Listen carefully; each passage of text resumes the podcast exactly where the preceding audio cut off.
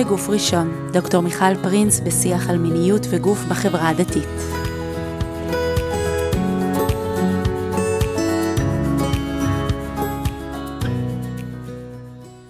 ברוכים וברוכות הבאות לפרק נוסף בפודקאסט שלנו בגוף ראשון, פודקאסט שמדבר על מיניות וגוף בחברה הדתית. והיום אנחנו מארחים פה את אה, יואב ויינשטוק. שלום יואב. שלום, צהריים טובים. צהריים טובים, או בוקר טוב, או לילה טוב, מאוד תלוי מי שומע אותנו ומתי. אה, יואב הוא מחנך, מנחה לגבריות ומיניות, הוא מדריך מחוזי למיניות בריאה בחינוך ההתיישבותי ומדריך חתנים. ובעצם הזמנתי אותך היום לדבר על החלק האחרון בכל הפרזנטציה הארוכה הזאת, בעצם על הדרכת חתנים. אה, נושא, נושא מרתק ו, ולדעתי משהו שבאמת לא מדובר המון. אה, ואולי נתחיל ממשהו קטן, אה, אולי תספר לנו איזשהו סיפור שאתה אומר, וואלה, כשאני חושב על הדרכת חתנים, הסיפור הזה ככה קופץ לי לראש, ואני חושב שהוא ה... הוא יכול להתחיל לנו את המפגש היום. האמת היא שעולים לי כמה סיפורים, אני אתחיל מאחד מהם, שבמסגרת העבודה שלי במשרד, במשרד החינוך, אני מסתובב בכל מיני ישיבות, והגעתי לישיבה חרדית, והעברתי להם השתלמות. ואני פותח ושואל, עושה איזה סבב, וכל אחד צריך לרשום לעצמו איזושהי חוויה שהולכת איתי מהדרכת החתנים. שידעתי שבציבור החרדי זה נושא הרבה יותר אפילו מרכזי. בעצם הכשרה למחנכים? למחנכים, להיות בעצם כתובת, וגם להעביר וגם כתובת, ולפתוח שיח בינם לבין uh, עצמם. וראיתי שאחד מאוד מאוד צוחק, תוך כדי שהוא רושם. ואז בסבב שאלתי אותו, מה, מה כל כך הצחיק אותך? אז הוא אמר, אני חייב לספר לך סיפור. הוא אמר, אני למדתי בישיבת חברון. וחברון זה ישיבה של, הוא אמר שבעיקר לומדים ברווקים. ושם הדרכת חתנים, עושים אותה לכולם ביחד.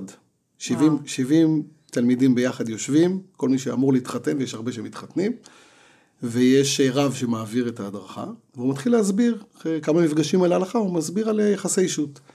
הוא מתחיל להסביר בפירוט, ולרובנו אמר, זו הפעם הראשונה ששמענו איך, איך בכלל קורה הדבר הזה. וישב שם איזה אחד שהוא אמר, שהוא היה צולר, הוא אומר, היה לו צבע עור כמו, לבן כמו ענן בשמיים, והוא התחיל להתכווץ, התחיל להתכווץ, להתפתל, באיזה שלב הוא התחיל לבכות. והוא צעק בשיעור, והוא אמר, זה מה שעושים? זה אתה מדריך אותנו? אני לא רוצה להתחתן, אני לא רוצה להתחתן. ואז הראש, הרב הזה שהעביר להם דפק על השולחן ואמר לו, זה מה שעושים, וגם אני עושה את זה. וזה היה איזשהו ככה... אה, מפגש עם הדרכת חתנים מאוד שונה. מאוד מאוד, מאוד שונה. שונה מאיך שאנחנו, המודלינג ואיך שאנחנו עובדים, אבל זה נתן ליצור, להבין באמת שזה באמת גם תלוי אדם, תרבות, הקשר, איך זה נעשה, וצריך הרבה ענווה כשמדברים על הדרכת חתנים. וואו, וואו. זה נכון, גם, גם ההקשר התרבותי עולה פה חזק וגם ההקשר של איפה כל אחד מונח אה, מול הדבר הזה, מישהו שיקבל את זה ככה מאוד ברכות ובנחת ומישהו שיקבל מזה, אה, יחטוף את זה בזיץ לגוף ויהיה לו מאוד קשה בכלל לשמוע על כן. זה. וזה גם מאוד, אה, היו שם כל מיני סיפורים, היה שם, היה שם עוד סיפור שאני זוכר שהמדריך חתנים, שהוא אמר לי ששנתיים אחרי החתונה, הוא חזר למדריך חתנים להסביר לו אנטומיה, איך... איך באמת הדברים נראים לאור ההדרכה שלו. זה באמת, אה, זה, זה עולם רחב, יש פה הרבה דברים. מאוד, מאוד מעניין, אני חושבת. אה, עוד מעט ככה ניכנס פנימה ו- ונבין מה יש בהדרכת חתנים. אה, אולי, אולי נגיד אפילו משהו מאוד בסיסי, הדרכת חתנים זה משהו שהוא מאוד מקובל ברמות שונות, כבר נדבר על זה בחברה הדתית והחרדית, לא מקובל במקומות אחרים.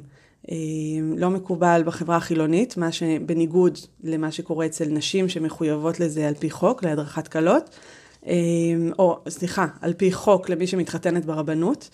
אה, אבל, ובעצם יש פה איזשהו אלמנט מאוד ייחודי, בואו נדבר רגע על הפער בין הדרכת חתנים להדרכת כלות. אני אגיד על זה כמה משפטים. באמת, יש פער בסיסי, כמו שאמרת, ברמת החובה. שבנות, מתוקף זה שהרבנות מחייבת, אז הולכות, אבל לא רק מתוקף זה שהרבנות מחייבת, יש איזה סטטוס חברתי, מי המדריכת כלות שלך. מעניין, אה, לא חשבתי על זה. ככה אני כאילו, מי המדריכת כלות שלך? מי הדריכה אותך לחתונה? זה נושא. עכשיו יש לי חבר בן 35 שהתארס השבוע. מזל טוב. וכן, קורונה הזו עשתה טוב להרבה אנשים. והוא, אה, ומה מעסיק אותו הרבה יותר? מי תהיה מדריכת כלות של אשתו. חשוב לה שזה תהיה, כאילו אשתו מחפשת מדריכת כלות, וחשוב שזה מישהי שהיא לא מכירה אותו מראש ולא אותה מראש, ולא יפגשו אותה אחר כך, כאילו ברמה של העבודה, כי חשוב להם להיות איתה בקשר, וזה מאוד משנה להם מי המדריכת כלות של אשתו. מאוד מעסיק, גם שלו, אבל עוד יותר כן. של אשתו, וגם אותה, כאילו, היא מחפשת את זאתי ואת זאתי, וזה משהו שהוא מאוד מעסיק בשיח הנשי, מי המדריכת כלות. שזה סוג של חניכה כזאת שאמורה להכניס את ה... ואצל גברים, גברים זה גברים. יש איזה, יש איזה אמירה, אני יודע, זו אמירה אחת. טוב, מפגש אחד, אולי מפגש אחד, שניים. ומי שלא, בתוך, בתוך ישיבה זה כן נהוג. זאת אומרת, מי שלומד בישיבה ומתחתן בגיל הצעיר, אז מעביר לו את זה בדרך כלל איזה אברך צעיר בישיבה, שיש על זה צדדים לכאן ולכאן. שזה מדהים בעיניי, כי יכול להיות שהכלה תעבור הדרכה עם איזה מדריכת כלות מנוסה 20 שנה, 30 שנה נשואה, ומביאה לה איזה ארסנל גם של קורסים וידע וזה, ויבוא החתן הצעיר ויגיד, כן, למדתי עם החברותא שלי. נכון, הוא התחתן לפני שבעה חודשים. ומבחינתם כן. הם סימנו וי על, ה, על הדבר הזה. נכון. גם הרבה פעמים באים אליי להשלמות. זאת אומרת, באים אליי, אני אומר להם, אני מתמקד בעיקר בעניין המיני. אה, פחות בעניין של הלכה, של הדרכה להלכות. אני יכול, מי שאין לו בכלל, כי רובם עוברים איזושהי הדרכה הלכתית, ודרך כלל בעיקר את ההדרכה ההלכתית, אה, ואז הם באים אליי להשלמה, או משהו כזה. אה, אבל באמת אני רואה את זה שהפער הזה הוא גם בהבנה למה צריך את זה, למה זה נזקק. ויש, אולי, וזה אני לא יודע, אולי יש איזה יותר פחד של גברים לדבר. פתאום על הדבר הזה, והם רוצים אה, למזכר את זה בתור איזה משהו שהאישה עושה. היא תעבור את מה שצריך לעשות, ואני אשאר עם עצמי. זו מחשבה שגם הולכת איתי קצת. זה כאילו בעצם יש פה כמה תנועות, זאת אומרת יש פה את התנועה נגיד המוסדית שאומרת נשים חייבות גברים לא, אז מתוקף זה כבר נשרו לנו כמה, יש לנו איזושהי תנועה של כאילו מה מקובל ומה קיים ומה השדה מאפשר לי, אז אם הוא מאפשר לי לקחת איזו הדרכה כזאת אה, מינימלית אז אני אעשה את זה, זאת אומרת שגם מהצד השני יש איזה, אה, איזושהי הנחה יסודית אה, גברית, שאולי גם משתנה בשנים האלו, אבל נניח אותה רגע כאיזשהו מיינסטרים שאומר, אני לא צריך יותר מדי מזה, ואני אקבל איזה משהו ככה, או לסמן וי, או, או ככה להרגיש איזה משהו, אולי כן אני אלמד, ואז, ואז אני משוחרר לדרכי. יש לזה מחירים. זאת אומרת, השנה פגשתי אה, אה, מישהו נשוי 27 שנים, והוא אמר לי, 15 השנים הראשונות של הנישואים שלנו, זה היה שיקום הדרכת חתנים שקיבלתי. אז יש מחירים... אה, יש מחירים, ל... יש מחירים גם להדרכה שהיא לא מקצועית, בהקשר כן. של מה שאת אמרת. כן. אה, יש לזה משמעויות. זאת אומרת, זה משהו שהוא, זה מפגש בסוף, שזה משהו ש, שרציתי להגיד עליו עוד איזה נקודה, שהרבה פעמים זה הפעם הראשונה אה, שגבר מדבר עם, עם גבר על המיניות שלו. אם זה מגיע לשם. זאת אומרת, אם לא בורחים רק לדבר על הלכות, אה, זה פעם ראשונה שיש לו הזדמנות בעצם אה, לשוחח בצורה עם, עם דמות אה, בוגרת, או שעברה איזשהו תהליך על, על, על הסיפור שלו. וזהו, כן. זה... זאת אומרת, יכול להיות שכן היו לו מפגשים שבהם הוא דיבר על מיניות, אבל לא בצורה שהיא מעמיקה, זאת אומרת, לא בצורה שהיא, כאילו, משהו שהוא, טוב, המילה עמוק פה, אבל לא מגרד מלמעלה, או, או נשען על יסודות תרבותיים כאלה של שיח מילואים, או, כן. או החבר'ה בתיכון. כן. היה לי השבוע חתן שהוא בן 27. הוא לא למד בישיבה, והוא היה בצבא, והוא אמר לי, פתאום הבנתי שאני לא יודע כלום. וואו. הוא עבר דברים, הוא אמר, אני בעצם לא יודע כלום. אה, זו הייתה חוויה נורא חזקה. אה, אני אגיד אולי ש, אה, שבאמת, כשאני מתחיל, זו נקודה אולי על מאיפה להתחיל. אז מאיפה מתחילים? זאת אומרת, מאיפה הנקודה שבה בעיניי אפשר או כדאי להתחיל? אז יש פה בעצם, כמו שאני אוהב להגיד, יש פה סיפור. כשבאים להדרכת חתנים, זה לא שני אנשים שבאים לדעת איך לשמור הלכה. הם באים בעצם, הם באים לדעת איך, איך לספר את הסיפור המשותף שלהם ביחד. אה, ככה אני רואה את, את העמדה הזאת של הדרכת חתנים וכלות. זאת אומרת, יש פה איזה שני אנשים שכל אחד יש להם סיפור בפני עצמו שהוא עבר בחיים שלו, 17, 18, 20, 25 שנה, כל אחד, מה שהוא צבר, החוויות שהוא צבר, שהם חלק ממנו, הן לא נעלמות, והם צריכים לספר פתאום משהו, סיפור משותף. כן. אז, ובעצם המדריך חתנים הוא ה... מה הוא? הוא יכול להיות שער לאיזשהי מבט פתאום רפלקטיבי על הסיפור שלי. זאת אומרת, נגיד, שאלה שאני מאוד אוהב לשאול במפגש הראשון את החתנים שלי, תנסה בשלוש תחנות בחייך, לספר מה הסיפור שלך עם המיניות והגוף.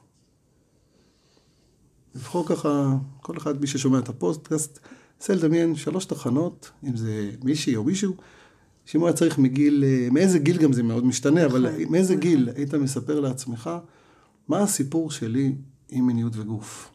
כן. אה, ועולים שם המון דברים, חוויות גם בטח עולה יותר משלוש.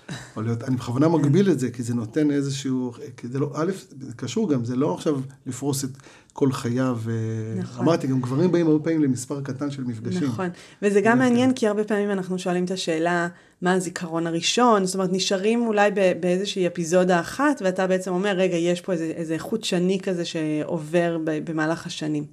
אבל בוא רגע, אולי ננסה עכשיו קצת כן לצלול פנימה ולהגיד, מה בעיניך השדרה המרכזית שצריכה לעבור בהדרכת חתנים?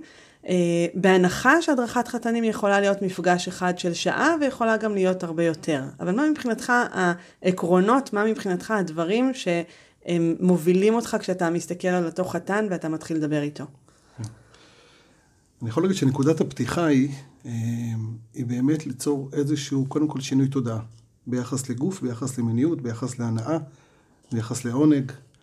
אמ, כי אה, חתן דתי, אה, ברמות כזאת או אחרת, זה באמת לא משנה. זאת אומרת, נכון. פגשתי, פגשתי אה, חתן, ששלוש שנים הייתה לו חברה, והם גם קיימו יחסים, זאת אומרת, הם היו טיילו בחו"ל, ו... והיו מגדירים אותם, אם היינו צריכים להגדיר אותם, זה היה, אני יודע, על הרצף איפשהו, והם שניהם היו אכולי אשמה וכאב אה, אה, ואיזשהו מסע כבד של אה, שש טון ששוכב להם על הכתפיים. ובתוך הדבר הזה להגיד, לשאול פתאום, האם זו החוויה טובה? לפני השאלה של אסור ומותר, זאת אומרת, יש פה חוויית גוף שנצברה mm-hmm. בסיפור חיים. ועצם השאלה הזו היא נורא מבלבלת. זאת אומרת, איך יכול להיות שמישהו עם זקן ופאות, ולא רואים אותי, אני עם זקן ופאות, ופתאום שואל אותו על המקרה שבו הוא עבר איזשהו גבול, אם זה היה לא נעים. אה, ואם זה היה חוויה של אה, קרבה ושל הקשבה אה, ושל עונג, לדעת, כי הרבה פעמים יש איזו בריחה מהתבוננות, מה הייתה החוויה. זאת אומרת, בוא, יש פה איזשהו משהו שנסיבות החיים גלגלו אותם לסיטואציה כזאת. ו, ופתאום להבין ש, שהיה פה חוויית חיים שהיא חלק ממנו, היא ממשיכה איתו. אה, ולכן ליצור פתאום איזשהו שינוי תודעה, שנכון, יש פה סיטואציה שהיא כרגע היא באמת אסורה, ויש לנו מגבלות שבהן אנחנו חיים. אה, ועכשיו, אותם, אותם דברים טובים שהיו שם בתוך הסיטואציה, יש להם, הם עכשיו, יש להם אפשרות לבוא לידי ביטוי בצורה שמחה, אבל זה אותם דברים, זה אותם נקודות, כאילו, זה אותו, אותו עונג, זה אותו אה, שמחה, אותו מפגש. אז ליצור שינוי תודעה, קודם כל, אני, אני, אני מרגישה שכשאתה אומר שינוי תודעה, אני, אני, הנשימה שלי מתרחבת. זאת אומרת, באמת אני חושבת על כל הזוגות האלה שנמצאים במצ... במצוקה. עכשיו, אנחנו לא יכולים להתעלם מזה. אה, אנחנו מתעלמים מזה הרבה פעמים. זאת אומרת, מבחינה חברתית, הרבה פעמים נוח לנו לא, לא לתת לילד שם, או לא לדבר על זה בקול, או, או לנסות אה, עדיין לטאטא מתחת השטיח, שקורית פה תופעה חברתית מאוד מאוד רחבה. אה, ששוב, אנחנו לא יודעים לענות עליה הלכתית, וגם לא בטוח שאנחנו צריכים אה, לענות עליה, אבל, אבל כמו שאתה אומר, היא צרובה בגוף, היא קיימת שם, והיא קיימת שם עם היתרונות שלה ועם הרבה מאוד חסרונות שלה. התחושה הזאת של ה... תמיד אני רואה את ההתלבטות של הזוגות, איך, איך להסביר את זה, איך להסביר לעצמם, איך הם נהנו ממשהו שהוא בעצם אסור.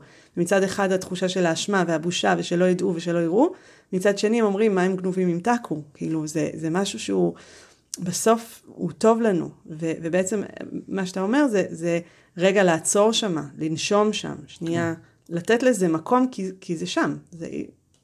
זה נורא מעניין, תוך שאת מדברת, שבאמת הפעם הראשונה בדרך כלל שאם היא קורית באיסור, בוא נקרא לזה ככה, אה, היא קורית בלי הדרכה. זאת אומרת, היא קורית בלי הדרכה, והיא נורא מבלבלת, וכמעט כולם, זה לא חוויה מי יודע מה. זאת אומרת, החוויה הזאת שבה הם נפגשו, גם במגע, לא מדבר על יחסים מלאים בכך, מדבר אפילו על מגע. זאת אומרת, איזשהו זוג ששמע הרבה פעמים, פתאום פעם ראשונה הם נוגעים. אה, זה לא חוויה תמיד שהיא בהכרח חוויה, לפעמים כן. אבל, זהו, אבל, אני, אבל, אני לא יודעת אם אני מסכימה או לא, כי אני חושבת שהרבה פעמים דווקא המקום התמים הזה והנקי מהמון מלל, ושם כאילו אין, אין הדרכה ואין הנחיה ואין, ואנחנו בתוך האיסור, אבל אז אנחנו כבר עברנו ואנחנו כבר שם, דווקא שם הרבה אנשים יכולים להגיד, היה טוב, ולאן הטוב הזה כן. נעלם אחר כך. זה, זאת שאלה, נכון, ל, שאלה לפרק אחר. שאלה לפרק אחר, כן, זה נכון. אבל, אבל אתה בעצם אומר, אצל מדריך החתנים יש, יש פה איזושה, איזושהי הזדמנות רגע לעצור גם בנקודה הזאת, למרות שאולי זה, זה כאילו לא לגיטימי, כמו שאתה אומר, אותו מדריך עם הפאות והזקן, אה, בכלל לדבר על זה או, או להעלות את זה. כי, כי בסוף, אני אומר, בסוף זה זה, זה זה הדבר עצמו. אה, זאת אומרת, זה, זה כאילו הדימוי שלי של אה, קודש הקודשים, של הקרובים שמעורים זה בזה. הקרובים מעורים זה בזה. זאת אומרת, זה, מעורים זה בזה, זה חיבור של זכר ונקבה. ככה זה היה נראה. וזה איזושהי תודעה שפתאום אה, אה, לרפא את המבט על מיניות, שהרבה פעמים יש פה המון המון אה, הכאבים האלה שסוחבים איתם. עכשיו, יש את הכאב הזוגי, ויש את הכאב קודם כל של כל גבר עם עצמו, לפני ההקשר הזוגי. זה לתת לו פתאום אה, גם לדבר איתו על אה, אה, איך הוא רואה את הזרע שלו. הרבה פעמים החוויה... החוויה ההתבגרותית של גברים היא נטועה בהרבה אה, כאב, וגם יוצר איזשהו זרות, איזשהו ניתוק וכעס אה, על הדבר הזה שמחולל להם את גיל ההתבגרות בצורה אחרת. אה, ופתאום מקום של לקבל שזה חלק עכשיו ממש מקסים ו... מחובר לתוך החיים שלהם, זה גם איזשהו שינוי תודעה שהוא לא קל להרבה אנשים, והוא... אה, אני, אני קצת גולש הלאה, כן. אה, אבל אני אומר את זה כי, כי לי מאוד חשוב בשפה, אני גם שומר הלכה, וחשוב לי הלכה, וחשוב לי ליצור מרחב של חופש בתוך המרחב שבין אה, בני זוג. פעם החופש הזה היה מגיע בתורה שבעל פה.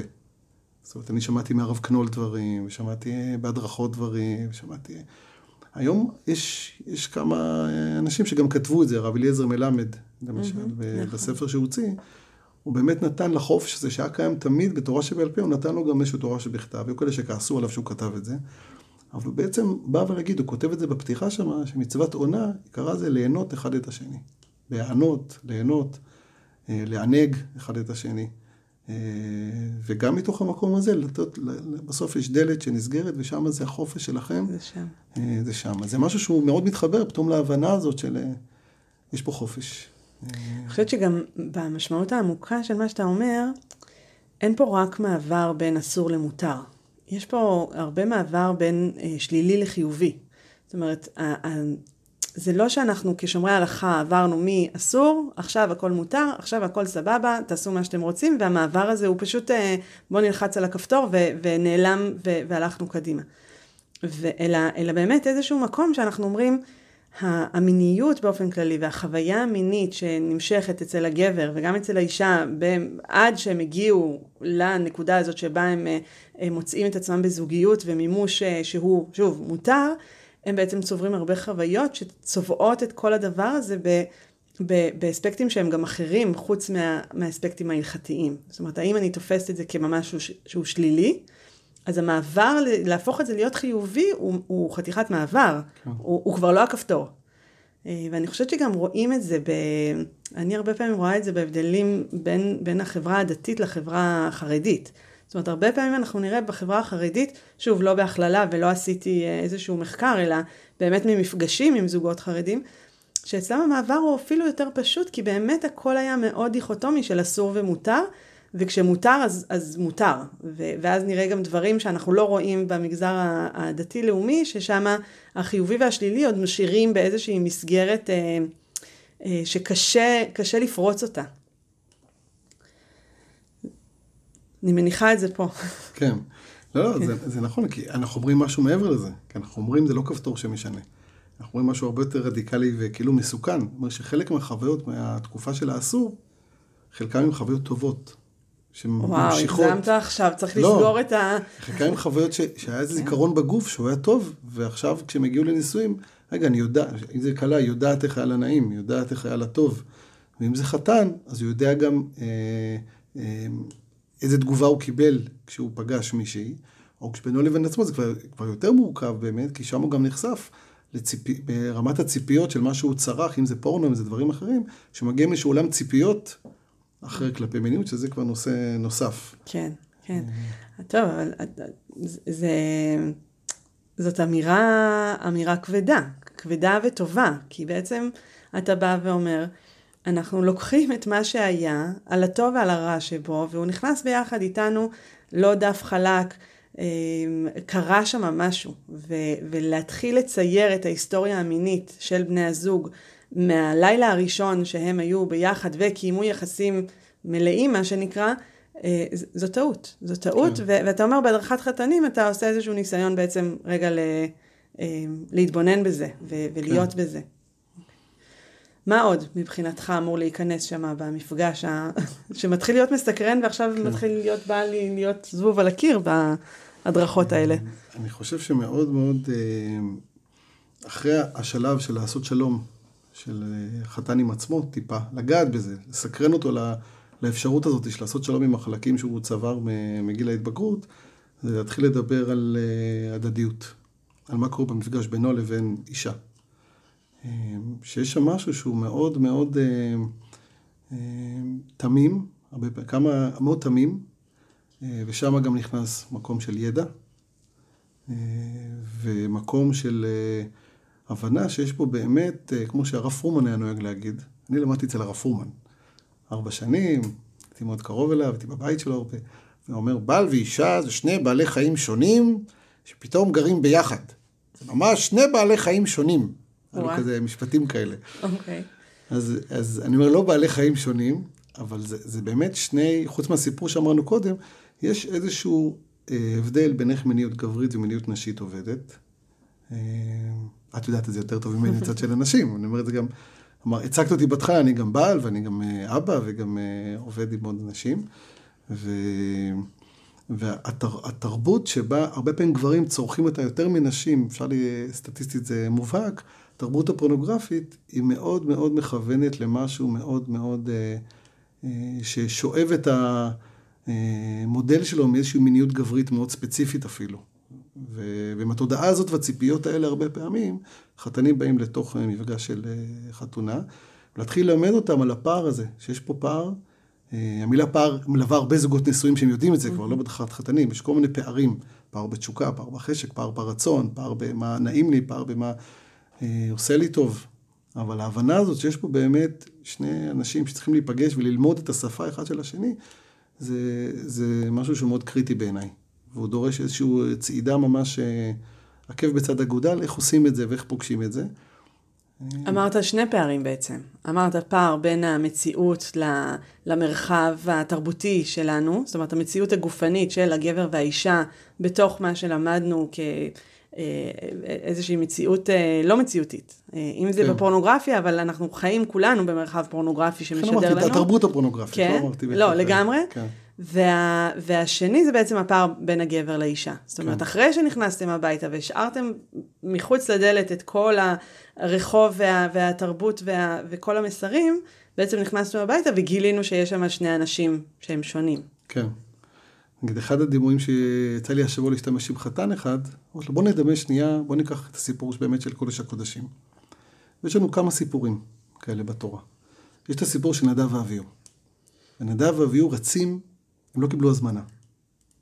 לא קיבלו הזמנה ולא ציווי, והם רצים לתוך קודש הקודשים. והם נשרפים ומתים. ואחרי זה, התורה אומרת בפרשת החרמות, בזאת יעבור אהרון אל הקודש. איך הוא צריך לעבור? הוא צריך להתכונן. הוא צריך, הוא נכנס בהדרגתיות, הוא נכנס באיזשהו תהליך, הוא קודם כל הולך למזבח, והוא שם, אה, והוא מזה דם, והוא מכניס קטורת. ורק אחר כך, פעם בשנה, הוא יכול להיכנס פנימה. אה, או איך שספר ויקרא נפתח, שויקרא השם אל משה, הוא מזמין אותו להיכנס, הוא לא יכול להיכנס. אז אמרתי לו, יש דימויים של זה בחז"ל, הרבה פעמים, שאישה היא בית.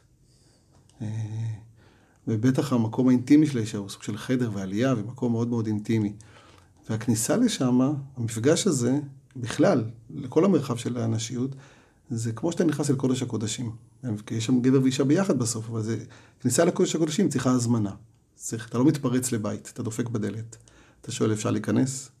אה, זה מתאים עכשיו, ולהקשיב מה כן, מה לא, וזה ממש קודש הקודשים, הסיטואציה הזאת, וללמוד את, ולהבין פתאום שיש פה קצב אחר, אה, ומבנה אחר, ואם משתמשים במידע, מעגל התגובה המינית, בלי להכניס שמות של חוקרים לתוך אה, הדרכת חתנים, אפילו לצייר לו איזשהו גל כזה שמראה לו איך, איך המודל הגברי עובד, שעולה מחשק עוררות מישור, שיא ורגיעה, אני שואל אותו כמה זמן זה לוקח לגבר בממוצע כשהוא צריך, אז הוא אומר, שלוש דקות, רובם אומרים, ארבע דקות. אני רוצה לו את אותו ציר, ב...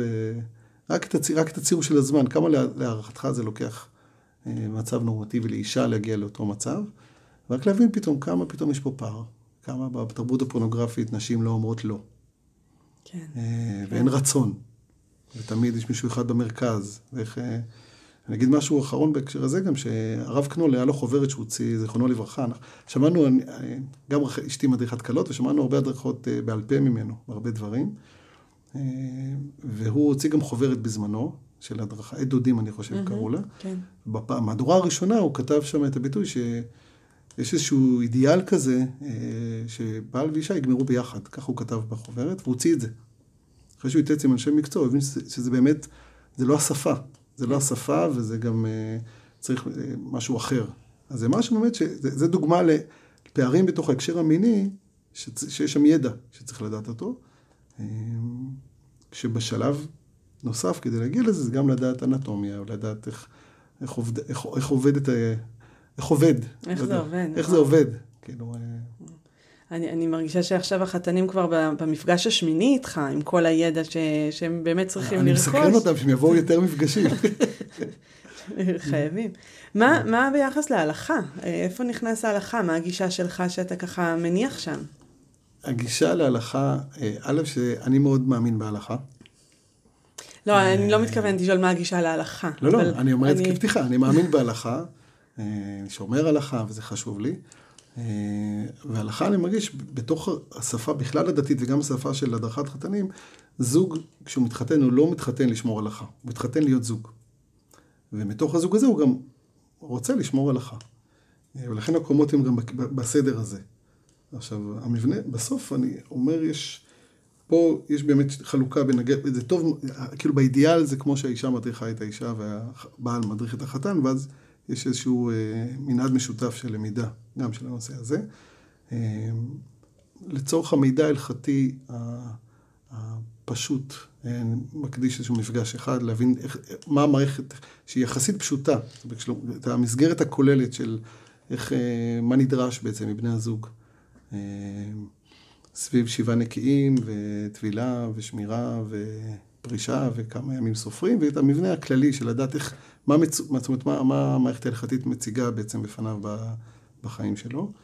אה, מסקרן אותי בנקודה הזאת. אני, אני חושבת שבהדרכת כלות אנחנו רואים הרבה מאוד פעמים את ה...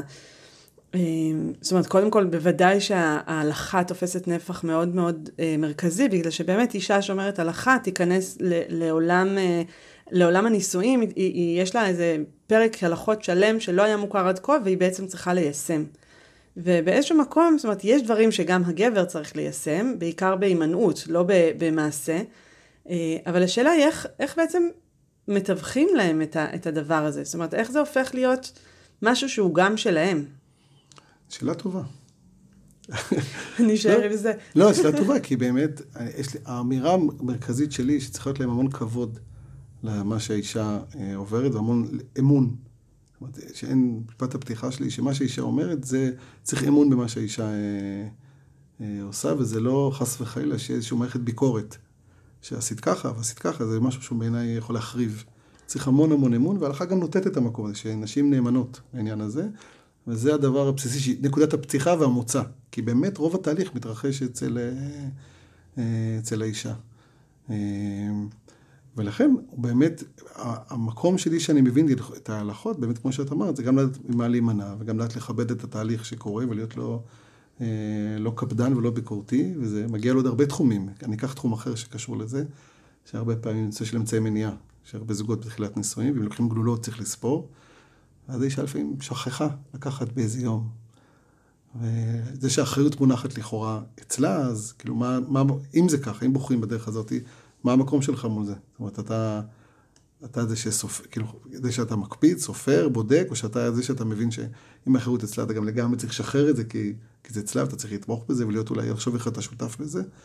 אה, גם אם לא בוחרים דרך אחרת, שיש איזה, יש כל מיני מחירים לכל אמצעי מניעה, מי שמבין, ברור. שמכיר את זה, אבל... אה, אז זה מהמקום הזה. אה, אני, יש לי איזה אמון בהלכה, שנקרא לזה מבעד לשפה של הגבולות, יש שפה של קשר ושל חיים. ואני יכול להדגים את זה, וזהו תרגיל קצר. יאללה, בוא נלך על זה.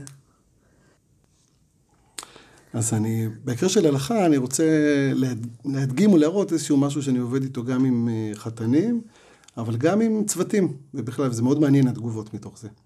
אז אני רוצה להקריא עכשיו איזשהו קטע מהשולחן ערוך, ואני מזמין את מי ששומע לראות מה הוא מרגיש בגוף כשהוא שומע את זה, איזה מילים הוא שומע, איזה תחושות עולות בו, איפה הוא מרגיש את זה בגוף. אז אני מקריא. צריך אדם להתרחק מאנשים מאוד מאוד, ואסור לקרוץ בידיו או ברגליו ולרמוז בעיניו לאחת מהאריות. ואסור לשחוק עמה, להקל ראשו כנגדה ולהביט ביופייה. ואפילו להריח בבשמים שעליה אסור. ואסור להסתכל בנשים שעומדות על הכביסה. ואסור להסתכל בבגדי צבעונים של אישה, שהוא מכירה, אפילו אינם עליה, שמא יבוא לערער בה. אז הרבה פעמים אחרי שאני מקריא את זה, רוצה לשאול אותך, רגע, מה את הרגשת בגוף? אני מכווצת, ו- ויש לי ככה איזו תמונה נורא צבעונית של, אה, של איזה רחוב של איזה עיר עתיקה כזאת, לא יודעת אם זה ב... מרוקו כזה. מרוקו, נכון? איראן עלה לי, או, או ירושלים, כן. או ירושלים. ואיזה קולות של ילדים והתקרקשות כזאת של רחוב, ואיזה גבר שהולך ככה וסוגר את העיניים ו- וצריך ללכת חפוי ראש כזה, רק בשביל לא לפגוש את ה... את החיים בעצם. וכל העולם מאיים עליו, כל העולם, כי יש פה את כל המנעד של החושים, יש פה ריח, יש פה צבע, ויש פה מראות, ויש פה אה, חושניות מסוימת. אני מריחה את הריח של הכביסה, של הכביסה. אתה מרכך, כן. ואני קורא לשפה הזאת, זה שפת עץ הדעת טובה, זה השפה הגלויה שבה ההלכה מדברת. Uh, התובנה שלי, עוד פעם, מי שרוצה, תובנה אפשר לחלוק עליה, אבל זה נראה לי תובנה שאני מאמין בה, שמאחורי ההלכה מסתתרת שפה של חיים. והשפה של החיים שמסתתרת פה, שהשולחן ערוך מסמן לנו את כל השדה שנקרא של האינטימיות בין בני זוג. קריצה, רמז, שחוק, אה, ריח, מראה, צבע, בגד, והוא מזהה את זה ואומר בעצם אל תסתכל על נשים. אבל זה בדיוק השדה שבתוך הבית פנימה זה השדה שיוצר קרבה. אז אני רוצה להקריא לך את השולחן ערוך שכתב אה, יואב ויינשטוק. כבוד הרב. זהו, לא כתבתי אותו ממש, אבל אני מנסח את זה ככה, ועוד פעם לראות מה מרגישים בגוף, מה עולה כששומעים את זה. אז אני מכיר עוד פעם את אותה הלכה בשינוי קל. צריך אדם להתקרב לאשתו מאוד מאוד, וכדאי שיקרוץ לה בידיו או ברגליו, וירמוז בעיניו לאשתו. ומותר לשחוק עמה, ויקל ראשו כנגדה ויביט ביופייה. וטוב שיריח בבשמים שעליה. ומותר להסתכל באשתו שעומדת על הכביסה. ומותר להסתכל בבגדי צבעונים של אשתו. אפילו אינם עליה, שמא יבוא לערער בה. ופה כל החתנים והכלות, החתנים והשצר אמרו לי, כדאי, כדאי שיבואו לערער בה. אז פתאום מנגינה אחרת. אז זהו, חזרתי לנשום. חזרת לנשום. ממש. איזה, פתאום איזה, וואי, איזה מקסים זה, זה כאילו כזה... לא רק מקסים, כאילו הופך את זה ל... אני מאוד בעד, מאוד בעד שבאמת האדם, לצורך העניין, הגבר או האישה, בעצם יצליחו לעשות את ההפרדה בין ה... הבחוץ, בין הרחוב המקרקש הזה לא, לאינטימיות, כן. לחדר. אה, עכשיו נהיה לי כזה כן. דימוי של וילונות מתנפנפים ככה בתוך החדר המוגף. אה, וזה, אני אומר, זה, זה עולם היום, הנושא של אישה אחת ואיש אחד, זה התמודדות כל מיני בעולם, ולשם אני מתפלל, מכוון, אה, לשים את המוקד, את כוחות החיים ואת הקרבה. אבל יש גם דברים פחות נחמדים. רגע, תן לנו לנשום, כן. להתרווח, להגיד כן. איזה יופי, איזה יופי, אני, אנחנו רוצים כזה. כן. איזה דברים לא פחות נחמדים? אמ, אמ, חוץ מהדברים הנפלאים שאמרנו, יש גם אתגרים. ואתגרים שבעיניי ידע הרבה פעמים יכול למנוע הרבה כאב. ו... וזה לא ש... יש פה איזה שדה מאוד רחב שאמרנו של הסיפור שאדם הולך איתו, והשלום שהוא עושה בינו לבין עצמו, והמפגש שלו עם בת הזוג, ואיפה ההלכה משתלבת בתוך זה. אה, אבל נישואים בזוגיות זה לא רק אידאה, זה מציאות. ובתוך המציאות יש הרבה כאבים שאנחנו פוגשים בחיים, שידע, לפעמים ידע מאוד מאוד מינימלי יכול אה, לנרמל ולתת אה, מענה ולפתור הרבה מאוד תסבוכים שאנשים סוחבים איתם, כמו אותו חתן שאמר לי ש-15 שנה הוא לקח, אה, לו. לקח לו להשתקם.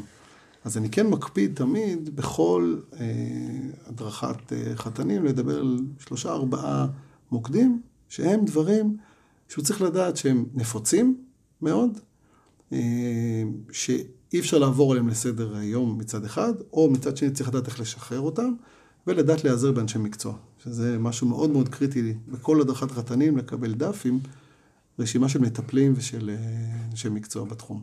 אז אני אגיד ככה מה ש... אה, קודם כל, דווקא ביחס לאישה, אני אומר את זה, כי אני אתחיל מהאישה. אה, הנושא של כאב אצל נשים ביחסי אישות הוא מאוד מאוד נפוץ. מכיר את זה מאשתי, כל כלה שנייה כמעט חוזרת ומדווחת לה על כאב.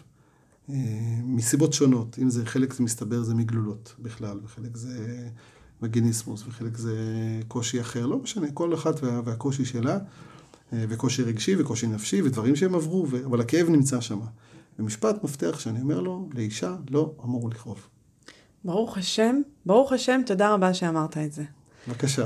זה, וואו, אני חושבת שהעולם שלנו יותר מדי אומר שזה כן לגיטימי, או יגיד לזוגות שזה, שזה שם, ושזה יעבור עם הזמן.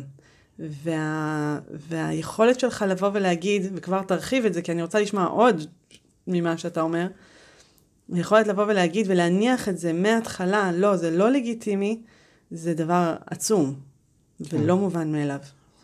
זה קשור לשינוי תפיסה שאמרנו בהתחלה. אם יהיה דבר טוב, כאב הוא לא חלק ממנה.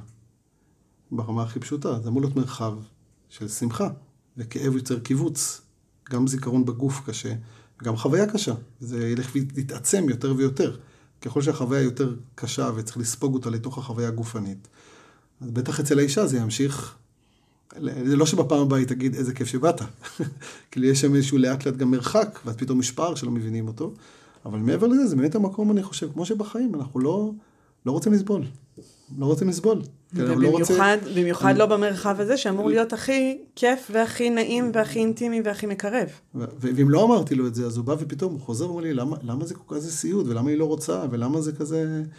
אז זה משהו שהוא באמת... אה, אה, חשוב להציב אותו, כי כמו שאת אומרת, היו שנים שמעו, תנשכו שפתיים, זה יעבור, וזה... משהו חייב להיות מדובר. זה לא ש... לפעמים הפעם הראשונה, השנייה, יכול להיות טיפה כאב להתרגל, זה לגיטימי, זה דבר שיודעים לעבור אותו, ויש... אה, ויש גם תרגילים איך לשחרר ולעבוד עם זה, וזה נכון. אבל מעבר לזה, באמת, זה משהו שהוא לא אמור להיות חלק מסד החיים של זוגיות. חייבים לדעת לפנות, או ל... ועוד רגע לפני שפונים, אני חושבת שזה מאוד משמעותי, כשזה בא מצד הגבר, לבוא ולהגיד, זה לא... אה, זה לא לגיטימי, או אני לא רוצה להכאיב לך. נכון. אה, אני אומרת על הצד השני, שכש... אני זוכרת שהגיע אליי איזה זוג, והוא אמר שאחרי הפעם הראשונה שבה הוא הכאיב לה, הוא לא היה מסוגל לתפקד, כי הוא לא רוצה להכאיב. נכון. ולפעמים יש איזושהי הנחת יסוד כזאת שגברים יעשו את זה בכל מחיר, או בואו ננסה, או לפתוח את המקום, וזה נשמע כמו איזו פעולה שהיא הכי מנוגדת למה שתיארת קודם, בכניסה המאוד עדינה הזאת, אחרי הזמנה לקודש הקודשים. החתנים שאני פוגש, רובם ככולם, אין להם שום רצון לפגוע באישה שלהם. אה, זה, זה מאוד נוכח, כאילו, ו, וזה זה טראומה בשבילם.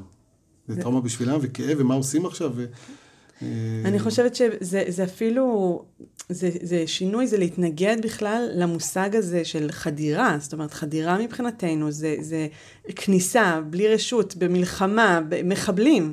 כן. ואני לא, אני, אני לגמרי לא הכרתי גבר שמוכן להיות מחבל מול אשתו במצב האינטימי הזה. בהקשר הזה המצב הוא טוב מצד אחד, כן. אה, אבל יש פה לגברים באמת, זה, זה מצד הנשי, מצד הזה.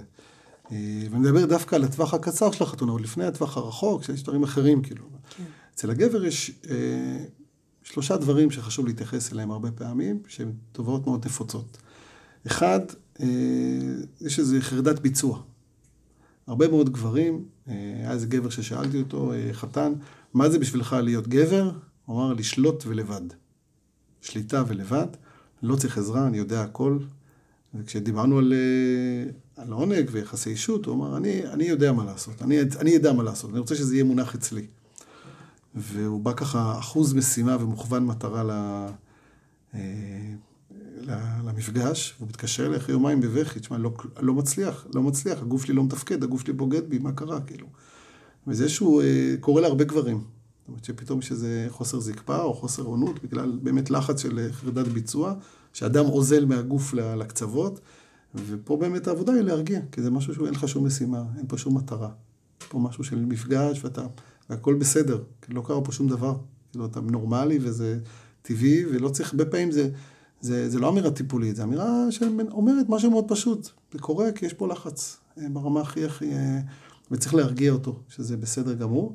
וגברים, בהקשר השני, חשוב להרגיע אותם, שזה קשור לדבר הבא. הצד השני של זה, שיש כל כך הרבה גברים שהתאפקו כל כך הרבה שנים וחיכו, והם רק מגיעים ללילה הראשון אפילו, ומיד יש להם איזו שפיכה מוקדמת, שהם אפילו לא, אה, הרבה פעמים, אפילו לא, לא מתוך קיום יחסים, והם נורא נורא נלחצים מזה. גם מההיבט של הוצאת זרע לבטלה, וגם מה, מזה שלא קרה שום דבר. ופה ממש, מי שהרב קנול, ששמעתי אותו, היה עסוק בלהרגיע אנשים. כן, והוא אמר, לגמרי. אני זוכר שהוא אמר את זה ככה, הוא אמר, אין שום בעיה בזה, אין שום בעיה בזה. הוא גם אמר את זה לא, לא רק בהקשר של הלילה הראשון, הוא אמר בכלל שיש מושג בהלכה שנקרא ביאה דרך איברים, שהרב קנון ככה אמר בצורה מאוד, שבין בני זוג אין, אין כמעט מצב של הוצאת זרע לבטלה, בתוך מפגש של יחסי אישות. רק האמירה הזאת, זוכר שהוא אמר את זה, הייתי באיזה קהל מסוים, אמרו לו, אתה יכול לחזור על זה עוד פעם? הוא אמר, כן, עוד פעם. אז אמרו לו, אפשר לרשום את זה? הוא אמר, כן. ואתה יכול, אתה באמת אומר את זה? הוא אמר, כן, כאילו לא... וזה, האמירה הזאת כשלעצמה היא יוצרת איזשהו... אה, הכל בסדר, כאילו אין פה איזה משימה, לשחרר את המשימה הזאת. אה, זה דברים שהם מאוד מאוד, אה, דברים שנפוצים מאוד פשוט. לכן זה סוג הדברים של האתגרים שקשורים באמת לטווח הקצר של, של ההכנה למפגש עם הלילה הראשון, שגם הוא היום, בשפה ההלכתית הרחבה, אין איזה חובה שהיא דווקא בלילה הראשון, זה גם מפחית את החרדת ביצוע הזאת. זאת אומרת, זה לא חובה דווקא בלילה הראשון, ואני מכיר מעט מאוד רבנים היום שאומרים שזה מה שזה, זה כן. מה שצריך להיות, וזה שינוי שהיה. זה פעם. שינוי משמעותי, ואנחנו עדיין נשים עליו אה, סימן שאלה, כי אז גם אם זה יהיה עוד כמה לילות, זה עדיין מביא איתו את המשימה. נכון. ושם, אה, דיברתי על זה כבר כמה פעמים, שה, שבעצם הזוגות... אה, יגדירו את הפעם הראשונה בהצלחנו או לא הצלחנו. ו- וזה שם, אני, אני לא חושבת שמצאנו עוד דרך, אני גם לא חושבת שזה ייחודי לחברה הדתית דווקא, אני חושבת שכל okay. כל, uh, גבר או אישה, נער או נערה, שמתחילים uh, להיות בתפקוד מיני uh, כזה או אחר. יגדירו את הפעם הראשונה ככה, כן, נכון? כן, אבל נמצא נכון. דרך זה. כן. אנחנו ממש לקראת סיום, ואני רוצה רגע איזה חזון ככה עתידי. זאת אומרת, אם אתה מסתכל קדימה על הדרכת חתנים, דיברנו גם על ה... דיברנו הרבה על ההווה בעצם, מה קורה ואיך אתה רואה את הדברים היום. אם אתה מסתכל ככה כמה שנים קדימה ואומר, זה נראה לי, לשם אנחנו צריכים לצעוד, זה מה שחשוב שיקרה. כן. אז אני אגיד, קודם כל באמת, קודם כל שגברים אה, יבואו.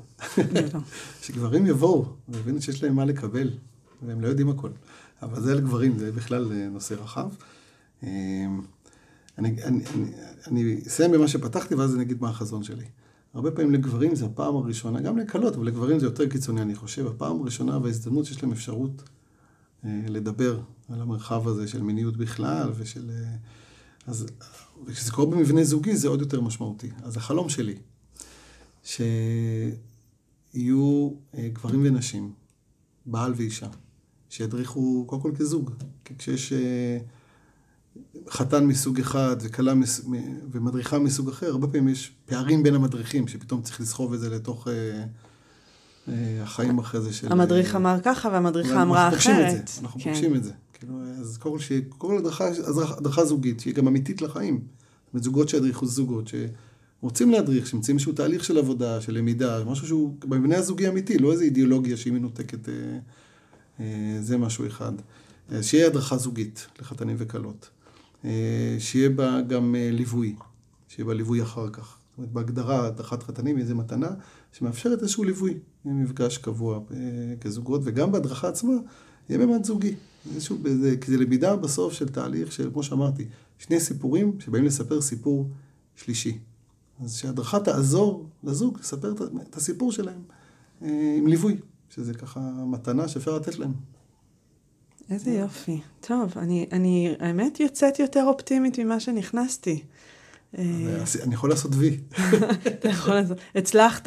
הצלחתי, כן. אה, טוב, יואב, תודה רבה. תודה רבה גם על העשייה שלך וגם על הדברים שהבאת לפה. אה, אני חושבת שאנחנו מסמנים פה הווה מאוד מאוד מיוחד. אני חושבת שאם התייחסנו להדרכה בעבר, אני חושבת שבהדרכת קלות בוודאי שרואים שינוי מאוד גדול. אתה מוציא לאור פה שינוי גדול שקורה גם עם הגברים. עדיין לא מספיק, כמו שאתה אומר, והלוואי, הלוואי שכל אחד היה עוצר, עוצר רגע וחושב איפה הוא נמצא לפני הפעם הראשונה, והשנייה והשלישית, אבל בעצם יש איזו עצירה, יש איזה אה, אח גדול, או איזה מנטור, או מישהו שבאמת יכול לתת לו מקום, מקום לעצור, לעצור ולנשום. אני, אני מרגישה שאני נושמת עכשיו, אחרי השיחה שלנו. אז תודה רבה, יואב. שמחתי מאוד, תודה. תודה רבה לצופיה וינדיש המפיקה, תודה רבה לדעת על הבית, ואנחנו ניפגש שוב בפרק הבא. להתראות.